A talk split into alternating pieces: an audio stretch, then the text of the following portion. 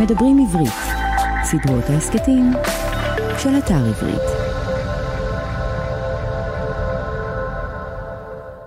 שלום, אתם מאזינים לסדרת ההסכתים כותבים עברית של אתר עברית. סדרה זו היא חלק ממדברים עברית, ערוץ ההסכתים של האתר. מדי פרק נפגוש סופר או סופרת ונדבר על הרצון או הדחף לכתוב, על החיים עצמם ושלל עיסוקים אחרים. והיום אני שמח לארח את הסופר יניב איצקוביץ'. היי יניב. היי, מה שלומך? בסדר, נתחיל? יאללה. אז uh, פרטים מקורות החיים של יניב. יניב נולד בבאר שבע וגדל בראשון לציון. Uh, תואר ראשון למד בתוכנית הבינתחומית לתלמידים מצטיינים באוניברסיטת תל אביב. עבודת הדוקטורט של יניב עסקה בהגותו של ויטגנשטיין, וניתחה את יחסי הגומלין בין אתיקה לשפה. הוא לימד שמונה שנים בחוג לפילוסופיה באוניברסיטת תל אביב, עשה פוסט-דוקטורט בקולומביה, שם איבד את עבודת הדוקטורט שלו לספר עיון, פרסם ארבעה רומנים, דופק, אדם וסופי, תיקון אחר ואף אחד לא עוזב את פאולו אלטו, ואת הנובלה דיני ירושה. ספריו תורגמו לשפות רבות וזכו במגוון פרסים, ביניהם ספר הביקורים של השנה מאת עיתון הארץ, פרס ראש הממשלה לסופרים עבריים, פרס רמת גן לספרות ופרס עגנון. תיקון אחר ואף אחד לא עוזב את פאולו אלטו היו מועמדים ברשימה הקצרה לפרס ספיר. הוא נשוי ואב לשלוש בנות, מתגורר בתל אביב. נכון. עד כאן נכון. כן, ואתה מוכן לשתף אותנו בכמה, שתיים, שלוש אנקדוטות מקורות החיים שלא מופיעות בקורות החיים הרשמיים? אה, טוב, האמת היא שלא הרבה אנשים יודעים את זה, אבל אני די מכור לטניס. אה, גם משחק, גם צופה, גם אה, עוקב. מילדות או ש... שיחקתי בתור ילד, זה מין חלום, אתה יודע, תמיד שואלים סופרים מה הם היו, אם הם לא היו סופרים. אז אם היה לי את היכולת והכישרון, אז בטוח הייתי בוחר להיות שחקן טניס. מעניין, אתה יודע שגם אני, גם אני שחקתי הרבה טניס. כן, כן מעניין. ושיחקת ב... במרכז טניס איפשהו? ש... שיחקתי בראשון לציון בתור ילד, והיום אני משחק עם חברים, מתאמן, עם הבנות שלי, זה, זה עניין אצלנו. כן, תמיד אני אומר שהכי טוב לעשות ספורט כשאתה נהנה מה שאתה עושה ופחות עסוק בספורט. לגמרי, לגמרי. אז נעבור לכתיבה ולספרות. מתי בעצם התחלת לכתוב? זו שאלה שאני שואל את עצמי לא מעט. אני חושב ש... קודם כל הייתי רוצה להגיד כמה מילים על א' ב' יהושע שנפטר אתמול והשאלה שלך מתקשרת לי אליו כי ראיתי איזה איזה רעיון איתו שהוא בעצם אמר ש... עד גיל מאוד מאוחר 16-17 הוא בכלל לא ראה את עצמו איש של מילים והוא בכלל לא זה והוא הראה איזה ציון בהבעה שהוא קיבל לא מספיק. ואיכשהו בגיל 18 התחילו להתחבר לו המילים ככה הוא קרא לזה אני חושב שקרה לי די אותו דבר אני לא הייתי איש של מילים וקראתי אתה יודע כמו כל אחד שנולד בשנות ה-70 קראתי ספרים במידה היינו הולכים לספרייה וזה היה נחמד. לעתים משעמם, לעתים, אבל איכשהו אני מרגיש שבגיל 18-17 עם האהבות הראשונות ועם ההבנה שמילים יש להם איזה דרך נפתלת אל נפש האדם, התחלתי להתעניין בזה. הייתה לי גם מורה לספרות כזאת מיתולוגית, עירית אהרוני, שפתחה כזה, אתה יודע, היינו קוראים את המאהב, הייתי מגיע לכיתה, לא מבינים, לא מבין כלום, ואז היא הייתה כזה... אתה יודע, מראה את מלאכת המחשבת שביצירה, וזה נורא סקרן אותי גם כ, כאיזה תרגיל אינטלקטואלי ורגשי. ו... אבל אני חושב שבצבא שירתתי ארבע שנים ביחידה קרבית, והספרים באמת התחילו להוות איזה מפלט מאוד משמעותי. זאת אומרת, זה היה המקום שלי, גם כשאתה יושב בין אנשים באיזה אוהל. פתאום לקחת איזה ספר ליד ולהתכנס לתוך עולם פנימי.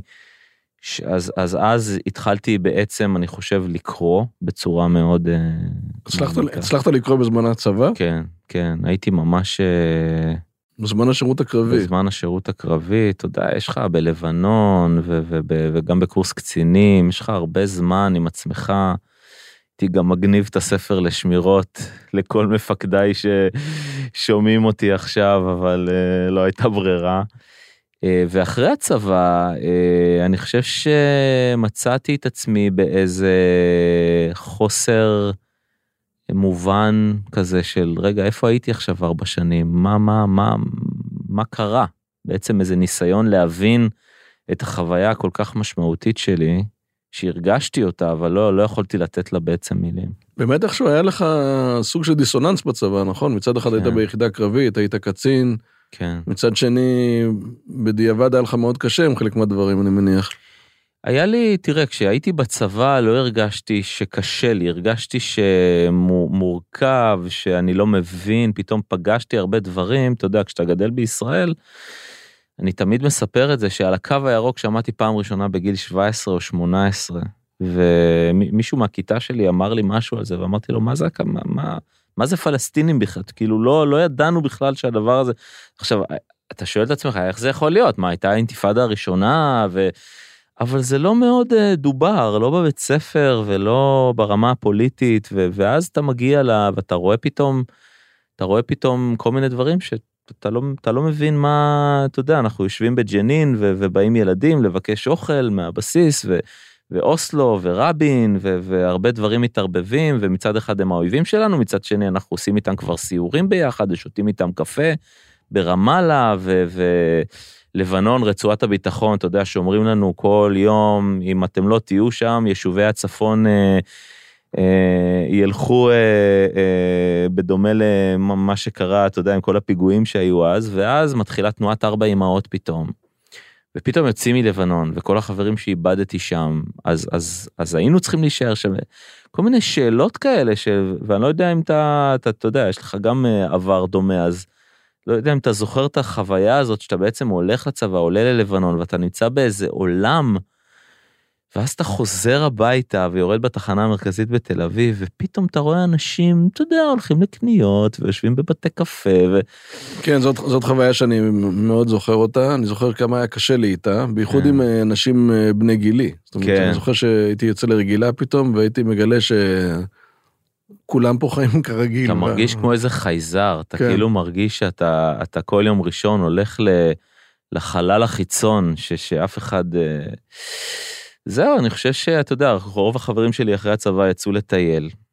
אה, ואני אה, אחרי הצבא אמרתי, אני חייב לטייל בנפש שלי. לפני שאני מטייל בהודו, אני חייב טיפה לטייל ב... אז לקחתי איזה מרתף אצל ההורים שלי, ו- ופשוט נסגרתי לאיזה שמונה, תשעה חודשים, ופשוט כתבתי. אז בעצם הכתיבה הייתה סוג של תגובה ל- להתמודד, לצורך שלך להתמודד עם, ה, עם החוויות האלה שעברת. כן, כן, בהתחלה ככה זה התחיל, ככה זה התחיל. אה, אני חושב ש... אה, אלמלא הייתי חווה את החוויות האלה בצבא, לא בטוח שהייתי מיד, אה, אתה יודע, מחליט על איזה... זאת הייתה כמעט תגובה של הגוף, בעצם להסתגר לתקופה ארוכה, באמת, כמעט לא ראיתי אנשים, לא דיברתי עם אף אחד. ניסיון באמת גם לקרוא הרבה וגם להבין. ומהצד המשפחה. שלך הסתכלה על זה וזאת אומרת, הבינו בעצם מה אתה, לאן אתה הולך ומה אתה מנסה לעשות, או שראו בזה איזושהי, היו אפילו מודאגים מהעובדה שאתה היו. מודאגים, היו מודאגים, מודאגים מאוד. תראה, זה לא קל להורים, היום בתור אבא אני יכול לומר, זה לא קל, גם, קודם כל גם בשירות הצבאי מאוד, אה, אתה יודע, הגעתי הביתה וזה לא שהייתי יושב ומספר, ואתה יודע, אתה גם ב- בשישי שבת שיש לך הפעם בשבועיים שלושה האלה, אתה, אתה גם מאוד מכונס ומאוד מופנם, ו... אה, אז היו מודאגים, אה, אתה יודע שהייתה לי אותה חוויה, הייתי מגיע כן. הביתה ביום שישי, לא הייתי מדבר, כן. בערך עד יום ראשון בבוקר. ממש. אי, אי- אי אפשר לדבר, אי אפשר להסביר את זה, זה באמת, אה, אני חושב, אתה יודע, יש לי אחיין עכשיו שהוא גם כן באותה יחידה שאני שירתתי, ואני מקווה שזה קצת השתנה היום עם הטלפון ועם ה... אה, אבל אה, כן, זה, זה בעצם, אתה מרגיש שאתה מגיע מהחלל החיצון לעולם שאתה כבר לא מכיר ולא מבין, וזה היה מעין צורך הישרדותי קיומי, הכתיבה הייתה ממש אה, כזאת. כן, אני חושב שהיום יש יותר מעורבות הורית, שזה דבר כן, טוב, והרבה כן. יותר אה, מחוברות למה שקורה, כן. וזה באמת אה, מבורך בקטע הזה. כן, לגמרי. אז בעצם הכתיבה קדמה גם ללימודים שלך באוניברסיטה. כן, ממש ככה. כן, אני כתבתי, אני חייב לומר, לא ידעתי מה אני עושה. זאת אומרת, אה, הניסיון הראשון שלי לכתוב היה בעצם לקחת כל מיני סופרים שאני אוהב, והושפעתי מהם והם נגעו בי, ולנסות לעשות כמוהם, כי אתה יודע, אני זוכר שבאותו זמן קראתי את עשיו, שזה ספר שמאוד אהבתי, של מאיר שלו, ואמרתי, טוב, אני אעשה את העשיו שלי. זה, ככה זה התחיל, כאילו... זה כמו שאתה כן. יודע, כוורת היה להם את המשפט שהוא כתב שירים של ביאליק. כן. כן, זה, אני- זה, ת- ת- תראה, זה נראה לי מאוד טבעי. שוב, אני חושב שהעולם היום הוא, הוא קצת שונה, יש המון סדנאות כתיבה והמון... אני חושב שבאמת ה- ה- הדרך שעברתי עם הכתיבה היא כאילו כמעט הפוכה למה שקורה היום. זה, זה, בעצם עשיתי את כל הטעויות האפשריות. קיבלתי את כל הדחיות האפשריות, אה, נתקלתי בכל החומות ובכל, עשיתי את זה באמת לבד, בלי ללמוד, בלי, אתה יודע, לקבל איזה הכשרה אה, אה, כזו. קיבלת באמת הרבה דחיות? זה מעניין. זאת אומרת, מהצד אתה יודע, אתה סופר מאוד מצליח ומאוד מוערך, ו... ודוקטור לפילוסופיה, כן, ואני מניח שמי שמסתכל מהצד הוא רואה את ההצלחה, כן. טוב, ואתה אז, אתה אה, מכיר גם את הדחיות, אתה אומר. כן, יש לי הרבה מה להגיד על זה. תראה, אני, אני גדלתי בראשון לציון, שהיא אה, אה, אומנם מאוד קרובה לתל אביב, אבל גם מאוד רחוקה ממנה בהרבה מאוד מובנים. ולא באתי מבית, אני תמיד מחלק את הסופרים לסופרים שהגיעו מבית של אקדמיה וספרות, והם בעצם נולדו לתוך העולם הזה, שזה הרבה יותר קל לצמוח משם. לעומת אה, אנשים שבאמת הגיעו, הושלכו לשם באיזשהו אופן, אה, אה, בניגוד ל, ל, אולי לרצונם או למה שהיה כתוב ב, בגורל הזה. אז, אז הוריי אמנם באמת אוהבים ספרים והכל, אבל זה אף פעם לא הגיע משם. אז א', ניסיתי לכתוב, וכן, קיבלתי, אתה יודע, שלחתי את זה להוצאות לאור, וקיבלתי רק תשובות שליליות, ואז הגעתי לאוניברסיטה, וגם שם הרגשתי חייזר. כי, אתה יודע, ישבתי שם בגילמן, הבניין אה, למדעי הרוח, וישבו לידי אנשים שכבר בשנה א' קראו את קאנט ודקארט, ושקראו את יעקב שבתאי ומרסל פרוס, וכולם דיברו על יעקב שבתאי בחוג לספרות, ואני אפילו לא ידעתי מי זה. אה, ולא רק זה, כשניסיתי לקרוא אותו, אתה יודע, נתקלתי בחומות הפואטיות האלה שזורקות את הקורא הממוצע כן. החוצה. אז, אה, אז אה, זה היה בשבילי להיכנס לאוניברסיטה, זה היה כמו לנסות לכבוש הר. הר שכל הזמן, אה, כל הזמן, אתה יודע, הייתי מטפס איזה כמה שלבים ועם הציפורניים גולש חזרה אחורה.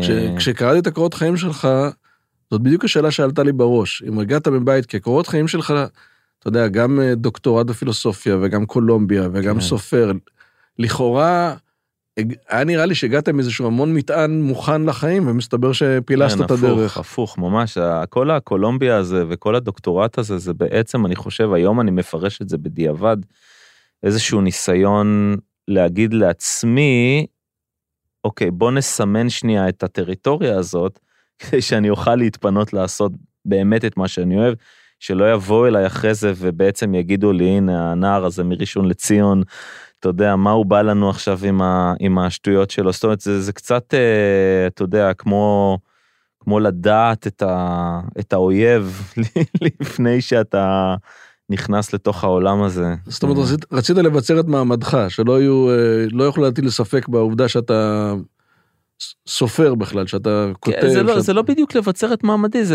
זה בגדול להבין, אתה יודע, אני זוכר את עצמי, כשהתחלתי לכתוב, אז הייתי קורא ביקורות, נגיד סתם בעיתונים, וחלק מהביקורות לא הייתי מבין.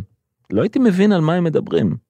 זאת אומרת, הם השתמשו גם בטרמינולוגיה, גם המילים, וגם הדוגמאות שהם נתנו, פשוט לא הבנתי, אז uh, הרגשתי שאני מפספס משהו. שיש משהו, ואגב, אני חייב להגיד שבמובנים מסוימים באמת, אתה יודע, יש את הקורס המיתולוגי מבוא לסיפורת של מנחם פרי באוניברסיטת תל אביב, שגם היה העורך של הספר השני שלי. שמנחם פרי, אתה יודע, אין צורך להציג אותו, הוא אדם מבריק, ו... ו והוא לימד אותי לקרוא כמו שלא למדתי מעולם. זאת אומרת, זה, זה באמת פתח לי הרבה מאוד עולמות, אבל אני כן חושב ש, שיחד עם זה, אה, ההיכרות של הדבר, ההיכרות של כל השיח הזה, של כל ה... אפשר לי באמת יותר לדייק את מה אני אוהב. זאת אומרת, היום, אם פעם, אה, אתה יודע, לא יכולתי לבוא ולומר, אה, טוב, איקס, הסופר הגדול הזה הוא סופר שאני פחות מעריך, כי לא היה לי את הביטחון לומר את זה. כי אתה יודע, לא הכרתי או לא ידעתי או לא הבנתי את השיח, היום אני, יש לי מספיק ביטחון לבוא ולהגיד, כן, אני מבין שכולם אוהבים את וולבק, אני מבין שהוא סופר מאוד מאוד חשוב. אני קראתי כמעט את כל הספרים שלו וזה פואטיקה שאני פחות מתחבר אליה והוא סופר שאני פחות מתחבר אליה ואני יכול להסביר לך עכשיו, לתת לך הרצאה שלמה למה לדעתי הוא, הוא, הוא סופר נהדר והכל אבל הוא לא הסופר שהייתי רוצה להיות כמוהו לצורך העניין. ודוגמה לסופרים שאתה כן אה, רואה אותם כ... אה, בני זמננו היום כן. אה, טוב תראה קודם כל אני חושב שאם נסתכל על הספרות העברית של היום אה, ונשים שנייה בצד את דור הנפילים שכולם מכירים. קודם כל אני רוצה להגיד משהו על סופרות יש אני אני, אני מרגיש שקודם כל הקריירה הספרותית שלי. אפשר לקרוא לזה קריירה, אתה יודע, אבל הדרך הספרותית שלי נסללה על ידי נשים. אה, גם, אתה יודע, יהודית קציר ששלפה את הכתב יד הראשון שלי בקיבוץ המאוחד, וגם האורחות שלי, מ... אתה יודע, דנה אולמרט ויערה שחורי של היום, וגם האורחות של ההוצאות, אתה יודע, עינת ניב שאתה מכיר אותה, ורוני מודן, אה, ו... וגם סופרות כמו יהודית הנדל למשל שהיא סופרת אהובה עליי ביותר ורונית מטלון ואורלי קסטלבלום ואתה יודע אני, אני מרגיש שאני הושפעתי מאוד מכתיבה של נשים באופן כללי. אה, ואם אני מסתכל על השדה היום אתה יודע אני חושב שאנחנו באיזה תקופת. אה, יש איזה דיסוננס מאוד גדול בין כולם מדברים על uh, הספרים ושוק הספרים וזה לעומת פריחה באמת מאוד גדולה של כותבים וכותבות בארץ בעולם. Mm-hmm. Uh, תקופה מאוד מעניינת לכתוב בה אני חושב. ואם אנחנו מדברים אה, על, באמת על, ה, על האוניברסיטה ועל הדוקטורט שלך על ויטגנשטיין, אתה כן. עדיין אגב מכשיר, מעורב בעולם הזה גם כן? זאת אומרת, עדיין מרצה לפילוסופיה, אתה עדיין מעורב? בעולם האקדמי? כן. אני לפני עשר שנים בערך קיבלתי החלטה, אחרי ששבתי עם הדוקטורט אה, אה, לארץ, וכאילו, אתה יודע, זה הרגע שאתה אמור אה, לחפש עבודה עם תקן אקדמי. אני בקולומביה הבנתי שאני לא אוכל להיות איש אקדמיה. אני לא אוכל להיות איש אקדמיה מכיוון שגם אה, כשהייתי בקולומביה כתבתי פרוזה. בעיקר. זאת אומרת, 90% מהזמן שלי, הגוף, היד, השכל והרגש משכו אותי אל הפרוזה, וכדי להיות איש אקדמיה אתה צריך להיות איש מחקר בכל רמ"ח איבריך. ואני פשוט הבנתי שאני לא, זה לא מש, זה לא הדבר שאני רוצה לעשות. ידעתי שיש עם זה בעיה מאוד גדולה כי אי אפשר להתפרנס מכתיבה בארץ אז אתה יודע חזרתי לארץ הייתה לי עבודה עוד מלפני עבודה ממש 9 to 5 וראיתי... במה עבדת? עבדתי בחברת פסיכומטרי ובגרויות, גם לימדתי שם וגם הייתי מנהל של כל מיני מוצרים ועניינים. והשלמתי עם העובדה הזאת. זאת אומרת, ראיתי לנגד עיניי כל מיני מודלים, כמו, אתה יודע, סופרים אפילו שפה עד עכשיו לדעתי, ישי שריד, ו... ו... אבל גם א' ב' יהושע וגם עמוס עוז הם אנשים שאתה יודע, לימדו אה, באוניברסיטאות, הייתה להם עבודה, ויחד עם זה הם גם כתבו, ואמרתי, הנה, זה יהיה המודל שלי, זאת אומרת, תהיה לי עבודה מתשע עד חמש, ואתה יודע, יש לנו גם את הסיפור על אה, פקיד הביטוח המפורסם, קפקא, ובוקובסקי שעבד בדואר, ואמרתי, לא רע. אה, וב-2015 הוצאתי את תיקון אחר חצות, וזה ספר שבאופן הזוי לחלוטין מאוד מאוד הצליח. אבל הוא לא רק הצליח בארץ, הוא גם הצליח בעולם. וזה נתן לי בעצם את ההזדמנות להגיד אוקיי יש יש פה רגע שאני יכול uh, להטיל את uh, כל uh, יהבי על עולם הכתיבה ועשיתי את זה ואני מאוד שמח שעשיתי את זה. באמת ספר מאוד מיוחד שגם דרש הרבה מאוד תחקיר כן. ולהיכנס לעולם אחר לגמרי. וכמו שתמיד אומרים על זה שבלעשות סדרות שהן תקופתיות זה דורש משאבים הרבה יותר גדולים. כן. אני מניח שגם לכתוב משהו שהוא תקופתי דרש איך, איך הגעת לזה בעצם? איך הגעת לתיקון אחר חצות?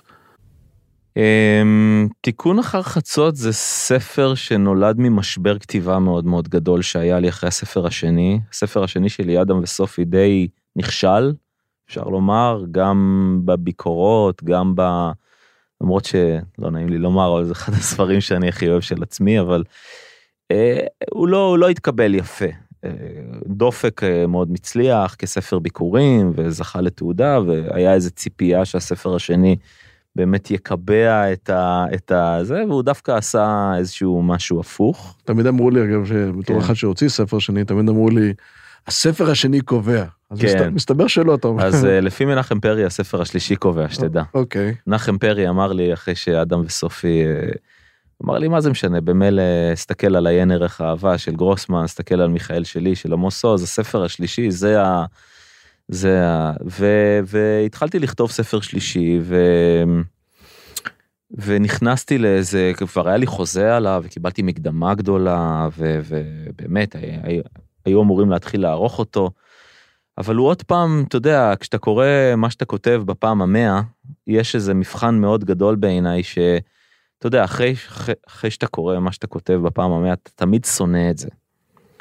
אתה תמיד חושב, איך לעזאזל אני אוציא את הספר הגרוע הזה, נכון? אבל אז יש איזה קול שאומר לך, אבל זה טוב. אז קראתי את זה ואמרתי, אני לא בטוח שזה הספר השלישי שאני רוצה להוציא.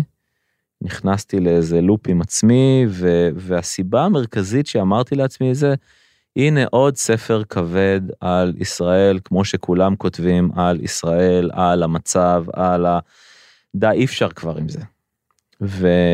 וזה שלח אותי לספרות שאני הכי אוהב, הספרות האידית של המאה ה-19, של שלום עליכם ומדלה מוכר ספרים, ו... ושאלתי את עצמי שאלה מאוד מאוד בסיסית, למה הם שחיו בשטייטל, והיו להם חיים הרבה יותר גרועים משלנו. איך הם הצליחו אה, לכתוב בכזאת קלילות ולהצחיק ולהסתכל על העולם במעין אה, השלמה כזאת. אה, אמרתי גם אני רוצה כזה אז התחלתי אתה יודע לקרוא עיתונים שהם קראו ו... ואז הגעתי למודעה של האישה שמתחילה את תיקון אחר חצות האישה שקוראת לעזרת הציבור למצוא את הבעל שעזב אותה. ו- ו- ודרך זה הכל הכל התחיל להתגלגל ואמרתי אני רוצה אני רוצה קצת להביא את ה...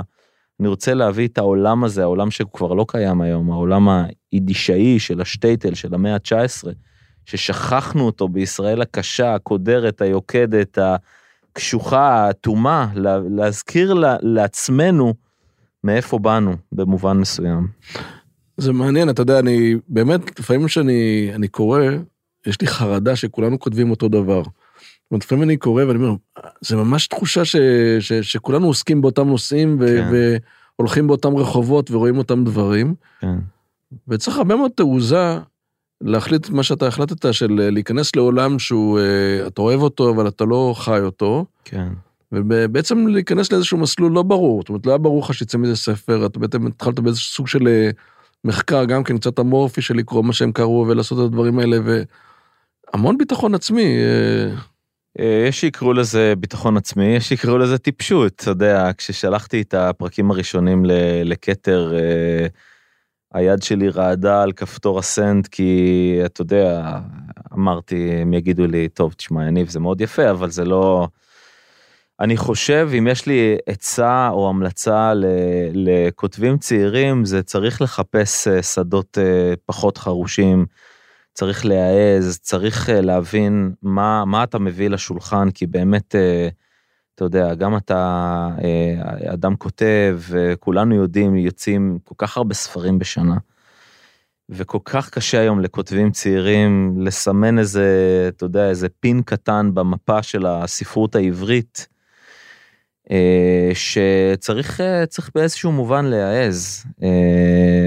מתי דרך אגב, כשכתבת ובעצם בשפה שהיא שונה מהשפה שאתה רגיל לכתוב בה, על עולם שאתה כן. רגיל, שונה מה- משאתה מכיר, מתי הפסקת להרגיש אורח והתחלת להרגיש שאתה, זאת אומרת, אני מניח שבהתחלה כל הזמן היית פחדת שיורידו את המסכה ו- כן. ו- ויראו שאתה, שזה, שזה לא בדיוק, זאת אומרת שזה תמיד הכי גרוע זה הליד. ברור, ו- החיקוי ה... כן. כן. ומתי הרגשת שאתה כבר לא אורח, אלא שאתה ממש, אה, שאתה זורם, שזה בדמך, שאתה כבר כותב ואתה מבין ומכיר את השפה? כשמצאתי את השפה של הספר, אה, זה היה האתגר הכי גדול. אנשים- כשאנשים קוראים את הספר הזה, אז הם תמיד אה, מתפלאים על המחקר ושואלים אותי הרבה שאלות על התחקיר, ו... אבל האתגר האמיתי של הכותב הוא, ה... הוא הלשון, אתה יודע, זה, זה ה... אה, איך אתה מזקק, וגם שאני, אתה יודע, שאני מדבר הרבה עם כותבים צעירים, תמיד אומר להם, בסדר, העלילה היא חשובה, הדמויות הן אה, קריטיות, אבל בסוף מה שהקורא פוגש על הנייר זה מילים. הוא פוגש, אה, הוא לא יודע איזה סיפור יש לך בראש, והוא לא יודע איזה דמויות יש לך בראש, הוא קורא משפטים על נייר. והמשפטים האלה אמורים להעביר לו את העולם, אוקיי? אגב, זה לא נכון רק לספרות, זה נכון לכל, אתה ואני מדברים, יש לך כל מיני דברים בראש, לי יש כל מיני דברים בראש, אבל בסוף אתה פוגש אותי בשפה המילולית והלא מילולית שאני מעביר לך. זאת אומרת, ב- ברמה של האובייקטיביות של השפה, בעצם מתחבר גם כן. לדוקטורט שלך, נכון? בדיוק, בדיוק. החומר גלם של הכותב הוא מילים, הוא שפה, הוא לא דמויות, הדמויות והסיפור הן משניות, כי הן תמיד מתווכות על ידי שפה. בגלל זה, אתה יודע, אה, הסיבה שאני חושב שהפרוזה לא תיעלם מהעולם, בניגוד לכל הנבואות השחורות על הנטפליקס והנטפליקס והנטפליקס, שעם כל הכבוד כבר אין מה לראות בנטפליקס, אבל נגיד שיש מה לראות, זה ממד אחר, אחר לגמרי, זה ממד ויזואלי. אוקיי? ב- ב- בסדרה אתה יכול לקבל image מאוד מאוד חזק על ההתחלה, image ויזואלי, והוא יכול לבנות לך עולם בפריים אחד. אתה יודע, בפריים אחד אפשר לבנות לך עולם. הפרוזה, היא לא עושה את זה באופן ויזואלי, היא עושה את זה דרך השפה. ולכן היא מאוד מאוד שונה, אי אפשר להשוות אותה, זה כמו להשוות תפוחים ואגסים.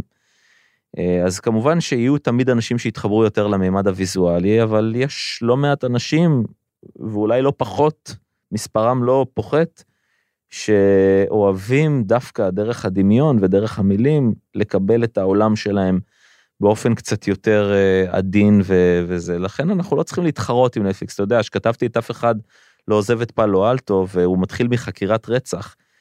אה, המטרה שלי הייתה בעצם קצת לצחוק על נטפליקס. הנה, אתם רוצים גופה? בבקשה, הנה, קחו גופה. אוקיי? אתם רוצים חקירה? הנה, קחו חקירה. אתם רוצים חוקרת? הנה, קחו חוקרת. אבל אני רוצה להראות לכם שגם, אתה יודע, העולם הוא קצת יותר מורכב מ- מעוד אה, סיפור בלשי. כן, בקטע הזה אני חושב שלכולם יש את אותה סדרה ולכל אחד יש את הספר שלו. זאת אומרת, כן. תמיד אני מבין שכל אחד קורא ספר אחר, ויש איזשהו חוזה בין הכותב לקורא, או בין הכותבת לקוראת, מהמם. שאתה כותב משהו, אבל בקריאה יש חלק מאוד משמעותי לבנות, כל אחד בונה את העולם אה, לגמרי. שלו. לגמרי, לגמרי, לגמרי. זה... המרחב שלך כקורא הוא כל כך גדול ב- ב- לעומת אה, סדרה שבסוף, אה, אתה יודע, כולם באמת רואים אותו דבר. אה, אז, אה, אז כן, אני, אני, לא, אני לא פסימי בעניין הזה. תגיד, אה, אבל תיקון אחר חצות, באמת נושא התרגום שלו. נראה לי מאוד מורכב לשפות אחרות. זאת אומרת, כן. אה, זה אתגר אחד לקחת, אה, להעביר משפה לשפה, אבל פה זה לא סתם שפה, אתה גם יצאת שפה שהיא שפה משלך, שהיא מתאימה לעולם אחר. איך, לד... איך, איך עושים את זה, ואיך לך בתור סופר יש בכלל בקרה על דבר כזה? שאלה מצוינת. קודם כל, לי בתור סופר יש אפס בקרה על זה, כי אני יודע לקרוא רק אנגלית וקצת צרפתית, ואני לא יודע לקרוא סרבית, ואני לא יודע לקרוא רומנית, ואני לא יודע לקרוא הונגרית, אז uh, אני לא יודע לומר לך איזה מין ספר הם קיבלו. Uh, אני כן יכול לומר שבמובן הזה אתה צריך uh, לשאוף להגיע להוצאות הכי טובות, שיש להם את המתרגמים הכי טובים, ולקוות שהם עושים עבודה טובה, אבל אה, כן, יש לא מעט אה, החלטות, אה, צריך לקצר, אתה יודע, מה 500 עמודים בעברית, באנגלית זה 800 עמודים, אף אחד לא יוציא לך ספר של 800 עמודים. צריך לעשות קיצורים, צריך לעשות פשרות. אתה יודע, אפילו באנגלית קוראים לזה The Slaughterman's Daughter, שזה בת כן. השוחט ולא תיקון אחר חצות. שזה כאילו באמת לקחת את השם של הספר ולהפוך אותו למשהו אחר לגמרי. אלה דברים שאתה צריך אה, להשלים איתם, כי באנגלית אף אחד לא יודע מה זה תיקון. כן. ואין מילה טובה, אגב, באנגלית לתיקון, אין. מה תקרא לזה? repair after midnight, אה, אתה יודע, זה מאוד אה, מורכב.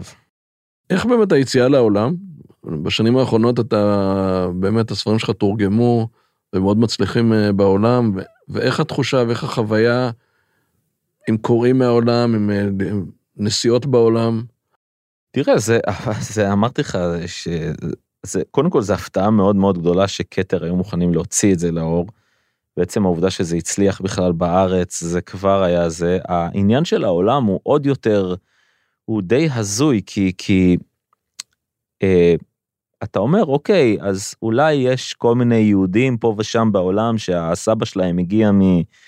אני יודע, מפינסק, אז הם אה, ירצו לקרוא את הספר, אבל אה, הספר זוכה להמון תשומת לב, גם מקוראים יהודים, גם מקוראים שהם לא יהודים, אה, מזמינים אותי לכל מיני פורומים ואירועים בכל מיני מדינות,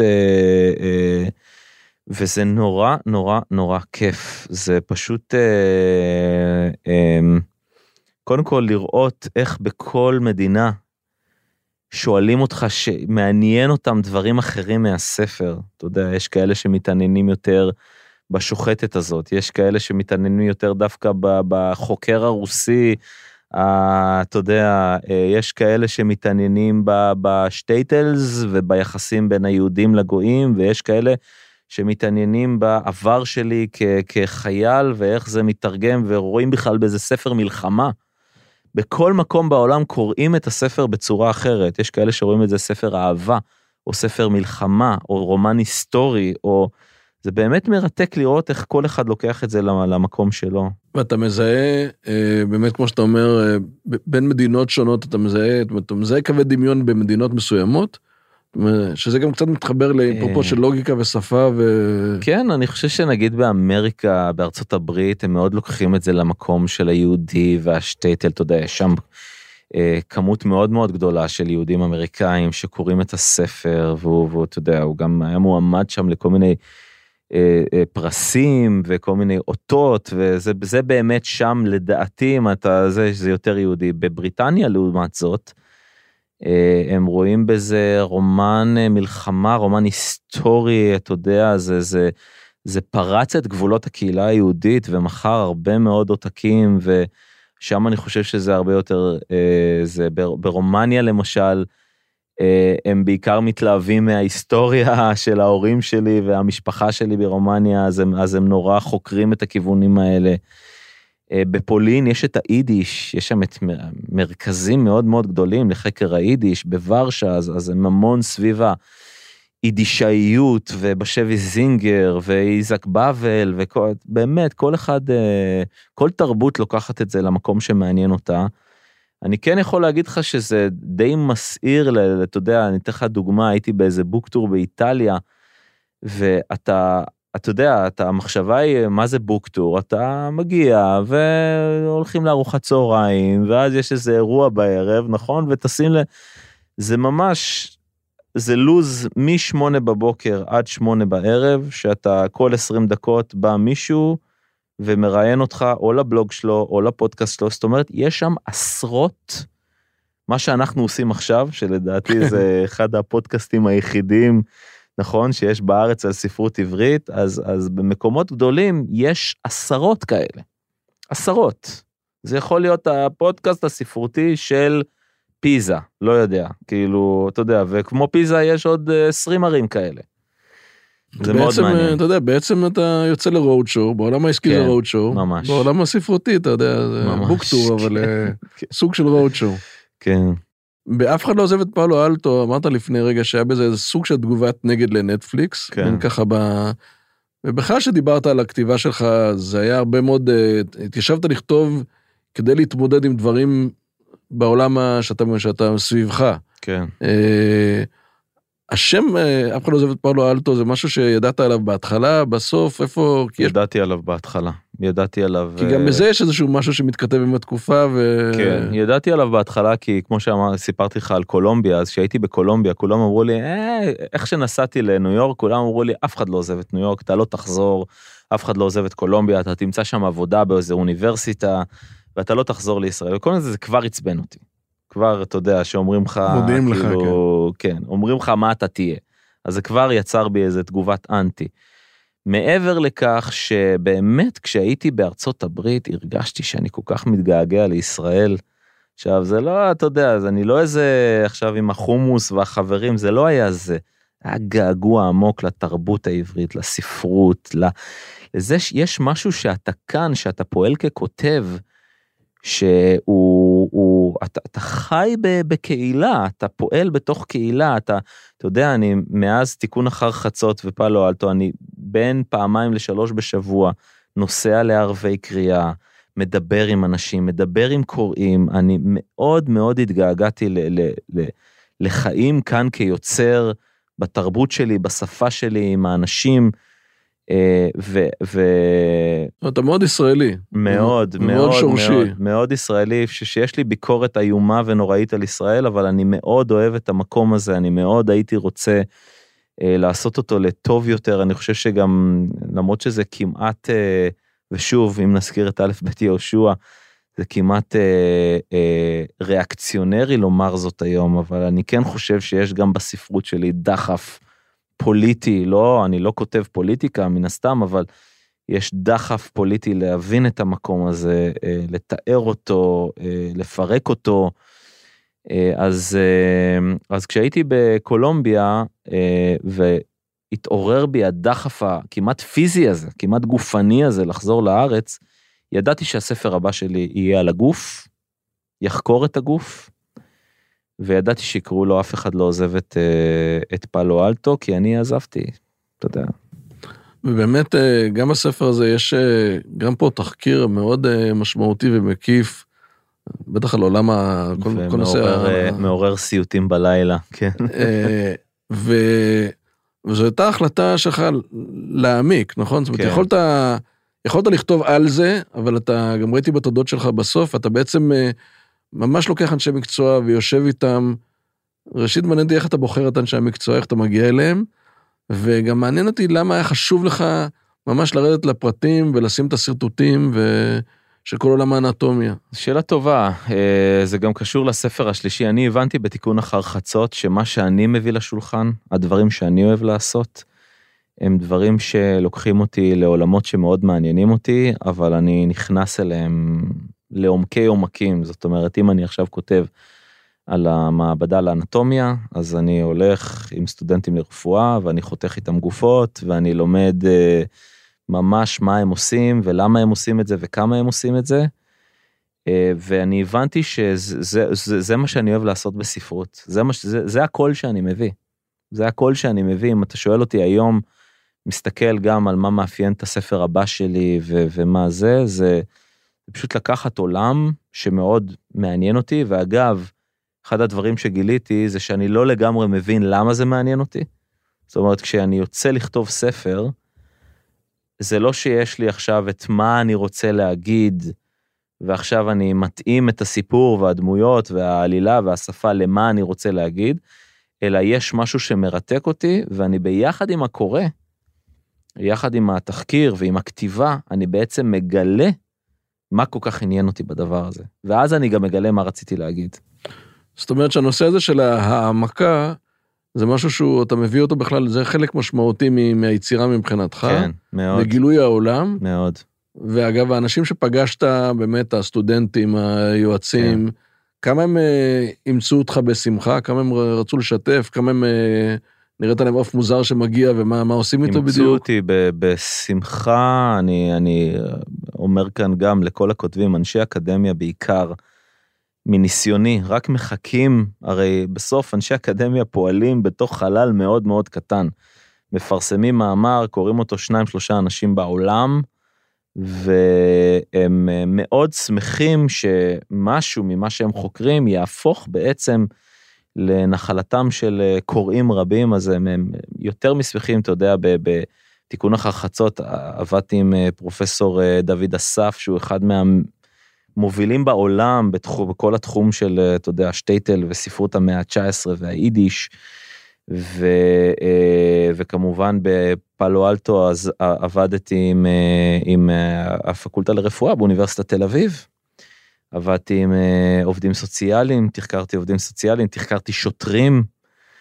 Uh, הם מאוד מאוד שמחים uh, להיות ב, בעולם הזה. זה כמעט נראה אתה, כדי שתהיה לך את הזכות להעמיק במה שאתה רוצה, אתה בצד גם צריך לכתוב ספר, זאת אומרת, אה, תראה, זה הזכות לחיות חיים שאני לא, אתה יודע, זה ה...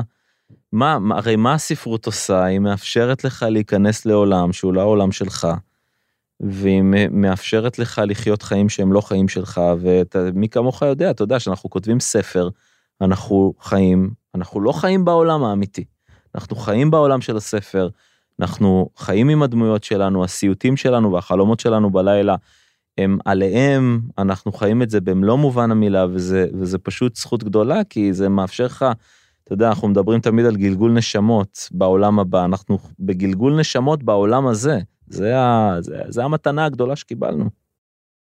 ב- ב- באמת, אה, אף אחד לא עוזב את פרלו אלטו, יש תחושה שהולכים איתך למסע, זאת אומרת שאתה, אתה, שאתה בעצמך מחפש את דרכך וכותב את הספר, ו, ואנחנו איתך שמה, כן, ואתה עושה גם הרבה מאוד בשולי החברה, שזה כן. גם, אה, גם בדופק נמצא, ו, נכון, וכמו שאמרנו קודם, אתה מראשון לציון, כן. זה, לא, זה לא העולם שלך, כן, ברור שסופר לא כותב את העולם שלו, אחרת זה לא, זה לא מעניין, ובכל זאת, כן. יש ממש התעסקות שהיא חשובה לך לעסוק באזורים האלה. כן, כי תראה, למשל, ב- גם בתיקון אחר חצות, כשהייתי צריך לחשוב מי מצטרף אל פאני במסע שלה, אז יש לך תמיד את האפשרות לצרף אליה את הרב, את אה, יו"ר הוועד, את ה... אבל זה פחות מעניין, כי הסיפורים שאתה מגלה, אתה יודע, למשל, איך זה התחיל בפאלו אלטו, אוקיי, אז הבנתי שאני רוצה לכתוב על הגוף, והבנתי שאני צריך ללמוד על הגוף, אז הלכתי. למעבדה לאנטומיה, נכון? ואז הייתי צריך לבחור מקום. אז יש לך, לא יודע, 4-5 אוניברסיטאות בארץ שהן אה, מלמדות רפואה. אז פסלתי את זה ופסלתי את זה, ואז הגעתי לחיפה. הגעתי לחיפה, הגעתי לטכניון, ואז הגעתי לנווה שאנן ולכל מיני מקומות שהייתי בהם בילדות, ואז הגעתי לוואדי סאליב. הגעתי לוואדי סאליב, פתאום אמרתי, או, oh, זה מקום שאני רוצה להיות בו איזה תקופה, כמה חודשים, לחקור אותו.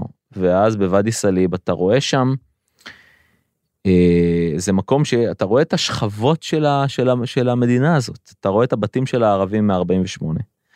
ואתה לומד על מהומות ואדי סאליב שהיו שם של עולי אה, צפון אפריקה וכל ניצולי השואה שהיו שם.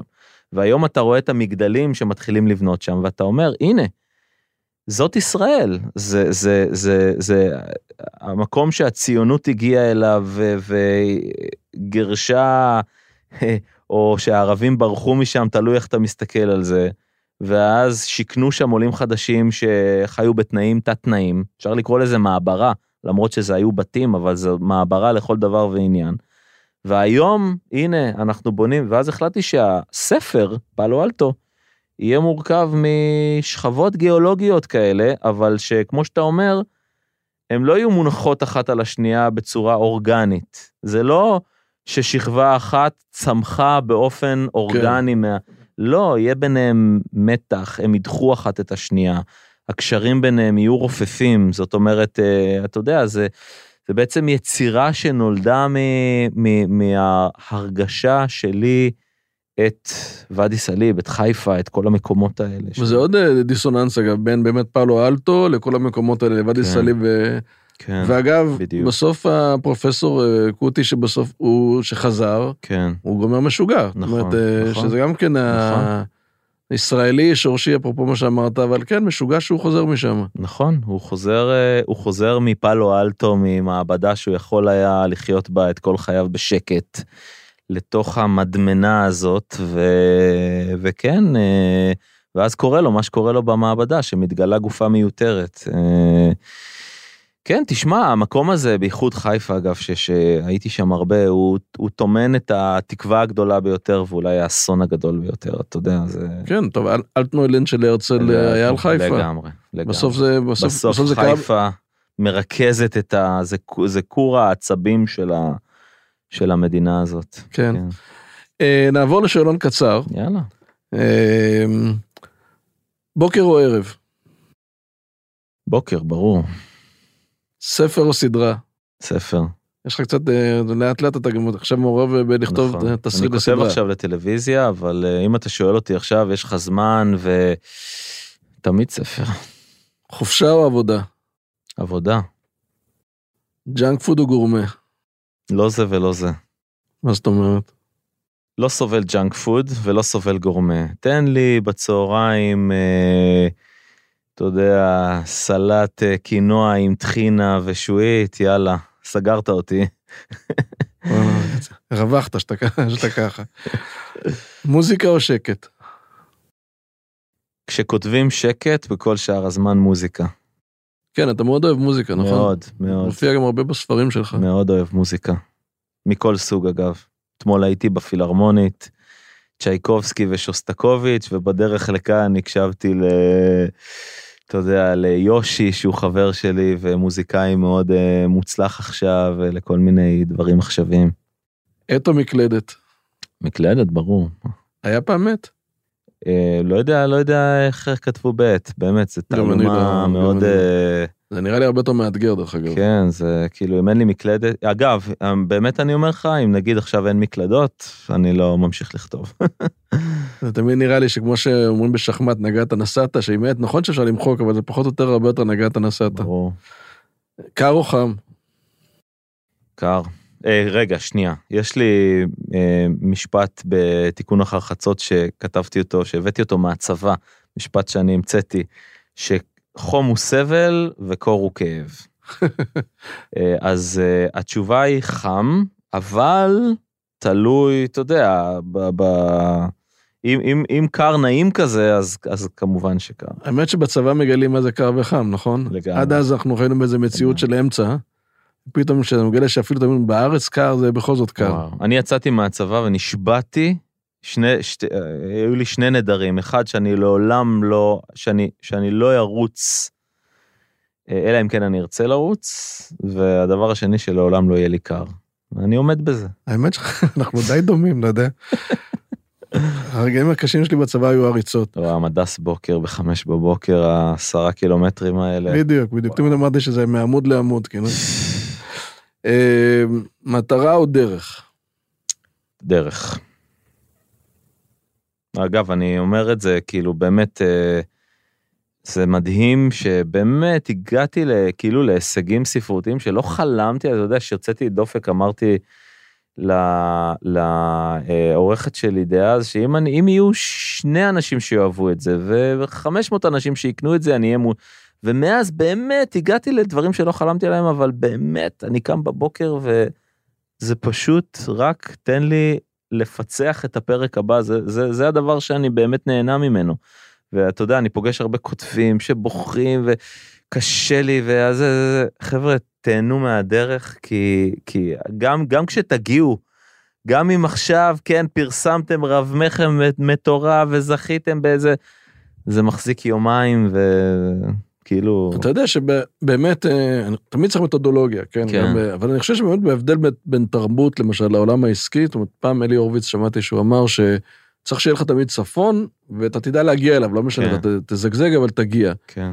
ודווקא בתרבות, הרבה פעמים צריך את הדרך, ובסוף מגיעים, אבל בגלל הדרך מגיעים. לגמרי. ו... ואתה גם, לגמרי. גם זה אגב, ב... אף אחד לא עוזב פאולו אלטו, יש הרבה דיון סביב בין טליה לבין אה, לגמרי. נוח, כן, שלא היה ברור לי בסוף, אתה יודע, נוח הוא האיש העסקים הקר נכון. והמחושב, נכון. וטליה היא באמת אשת התרבות, והיה נראה לי שבסוף אה, נתת לו באיזשהו מקום, אמרת בכאב, אבל אה, העולם שלו ניצח.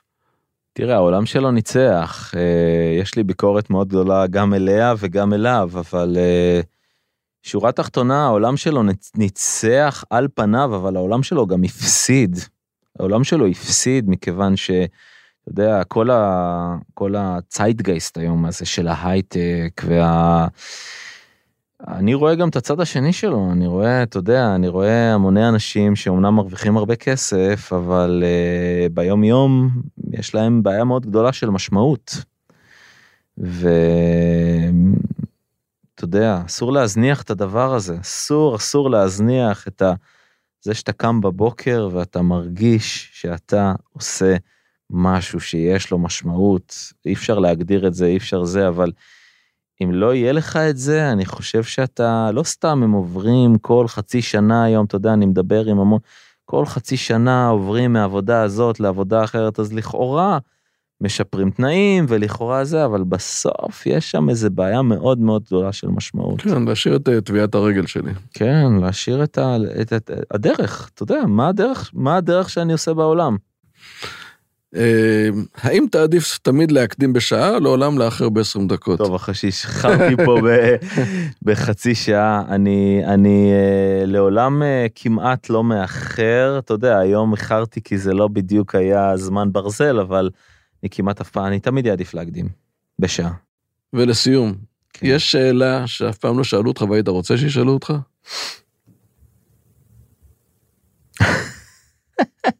אפשר להגיד לו, זה בסדר. אם יש שאלה שהייתי רוצה שישאלו אותי, אבל אף פעם לא שאלו אותי, וואלכ, לא, לא עולה לי איזה משהו אה, אוקיי. יניב, תודה רבה, בכיף. היה מרתק. תודה רבה לך שהזמנת. אותי ושיהיה בהצלחה בפודקאסט. תודה, ממש שמחתי לארח אותך. האזנתם לכותבים עברית, סדרת ראיונות עם סופרות וסופרים במסגרת ערוץ ההסכתים של אתר עברית. באתר עברית תוכלו למצוא אלפי ספרים בכל הפורמטים, דיגיטליים, קוליים ומודפסים, וגם כמובן את הספרים של יניב איצקוביץ'. להתראות בפרק הבא. האזנתם למדברים עברית, סדרות ההסכתים מבית אתר עברית, חנות הספרים הדיגיטליים, מודפסים והקוליים הגדולה בישראל. ספר זה וספרים נוספים מחכים לכם באתר עברית. thank you